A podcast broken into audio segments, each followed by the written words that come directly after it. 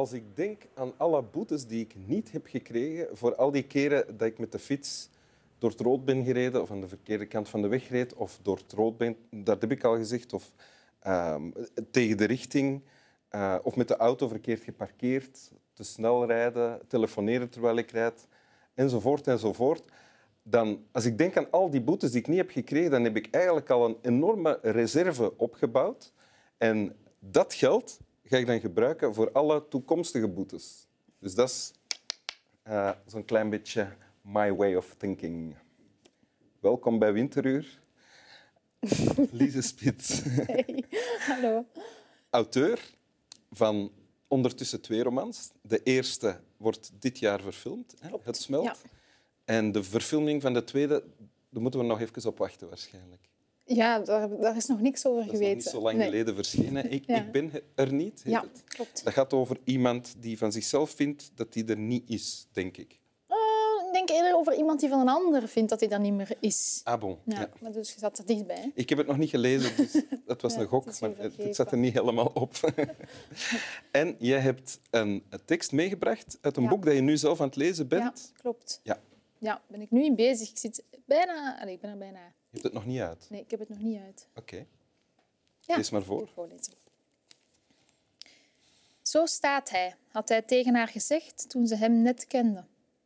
Hij had zijn armen in de lucht gestoken, ze licht gebogen en was toen met zijn hele lichaam wat scheef gaan staan.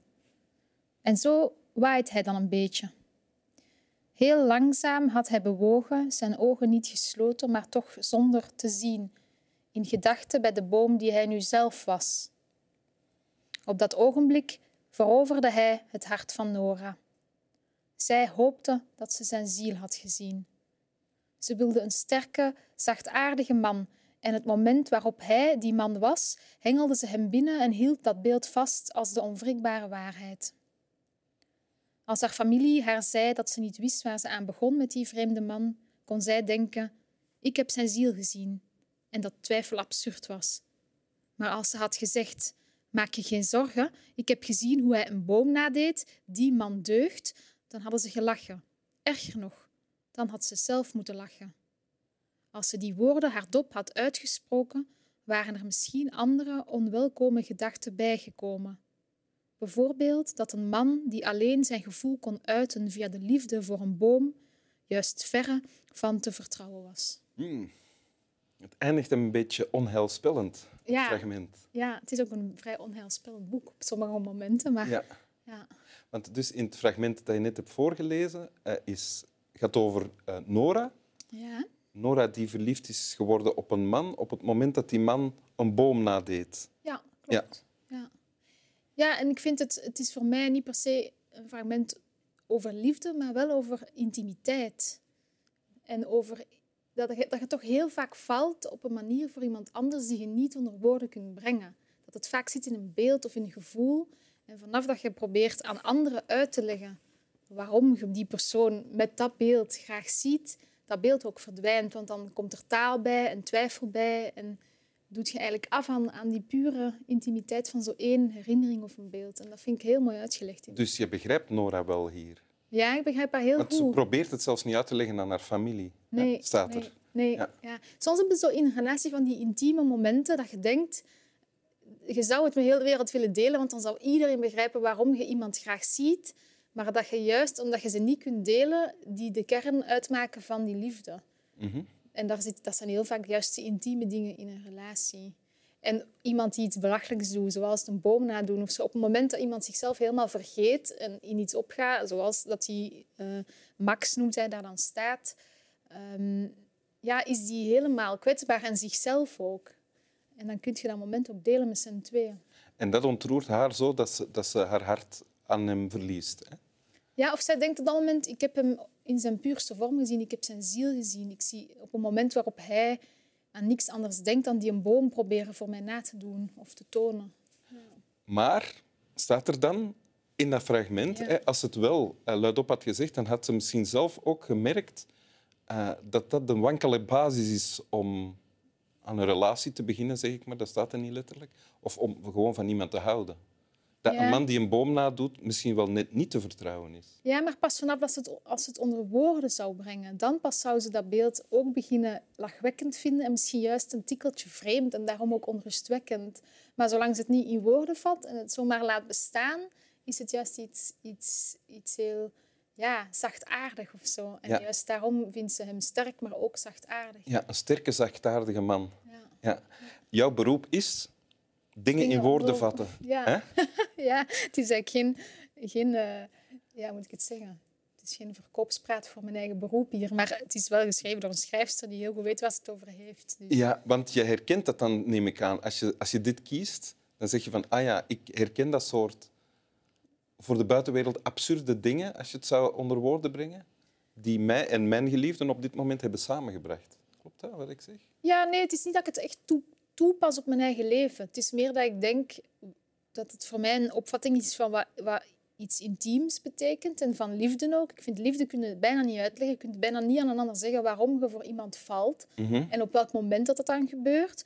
Omdat dat juist zit in dingen die je niet wilt in woorden uitdrukken ook. Want vanaf dat je woorden zoekt om iets te omschrijven, komt daar twijfel bij. Dan gaat je afvragen, vertel ik het nu wel juist? Toon ik het nu wel op de goede manier? Ja. Dus ja. En dat is voor schrijvers natuurlijk wel juist proberen, is, is, is wel iets in woorden vatten, maar daar komt dan ook die grote twijfel bij kijken van doe ik het moment dan wel recht aan? En die hele zoektocht naar echt recht doen aan een moment, zonder dat je op dat moment je vertrouwen verliest of zo zelf in wat je beschrijft, is Ja. ook het hele schrijfproces. En hoe doe je dat dan? Is het dan gewoon vertrouwen hebben op wat er uit je pen komt? Of, of...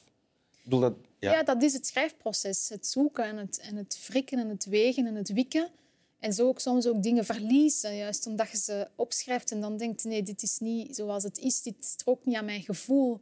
Dus alles wat er in een boek uiteindelijk blijft staan, zijn misschien wel ehm, ja, de dingen waarvan een schrijver denkt, ah ja, nu heb ik ze toch redelijk goed benaderd. Maar daar zit ook al twijfel bij. En dat gaat dan niet over dat je je, je, je nieuwe liefde aan je familie moet proberen verkopen, om het zo maar te zeggen, Ja. zodat ze het goed vinden dat je een relatie hebt. Want daar gaat het hier over. Hè? Ja, ja. Nee, dat gaat over alles wat je schrijft dan eigenlijk, uiteindelijk. Denk ik. Ja, ja, inderdaad. ja. Ja. Een sterke, zachtaardige man. Ja. Als ik, dat, als ik je dat hoorde voorlezen, dacht ik van, ah ja, dat zou ik ook wel willen zijn. Dat zei je misschien ook wel.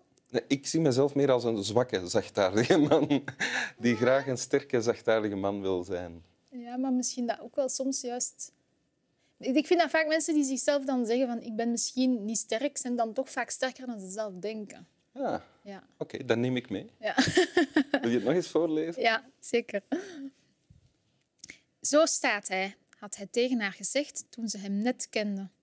Hij had zijn armen in de lucht gestoken, ze licht gebogen en was toen met zijn hele lichaam wat scheef gaan staan. En zo waait hij dan een beetje. Heel langzaam had hij bewogen, zijn ogen niet gesloten, maar toch zonder te zien, in gedachten bij de boom die hij nu zelf was. Op dat ogenblik veroverde hij het hart van Nora. Zij hoopte dat ze zijn ziel had gezien. Ze wilde een sterke, zachtaardige man, en het moment waarop hij die man was, hengelde ze hem binnen en hield dat beeld vast als de onwrikbare waarheid. Als haar familie haar zei dat ze niet wist waar ze aan begon met die vreemde man, kon zij denken: ik heb zijn ziel gezien, en dat twijfel absurd was. Maar als ze had gezegd: maak je geen zorgen, ik heb gezien hoe hij een boom nadeed, die man deugt, dan hadden ze gelachen. Erger nog, dan had ze zelf moeten lachen.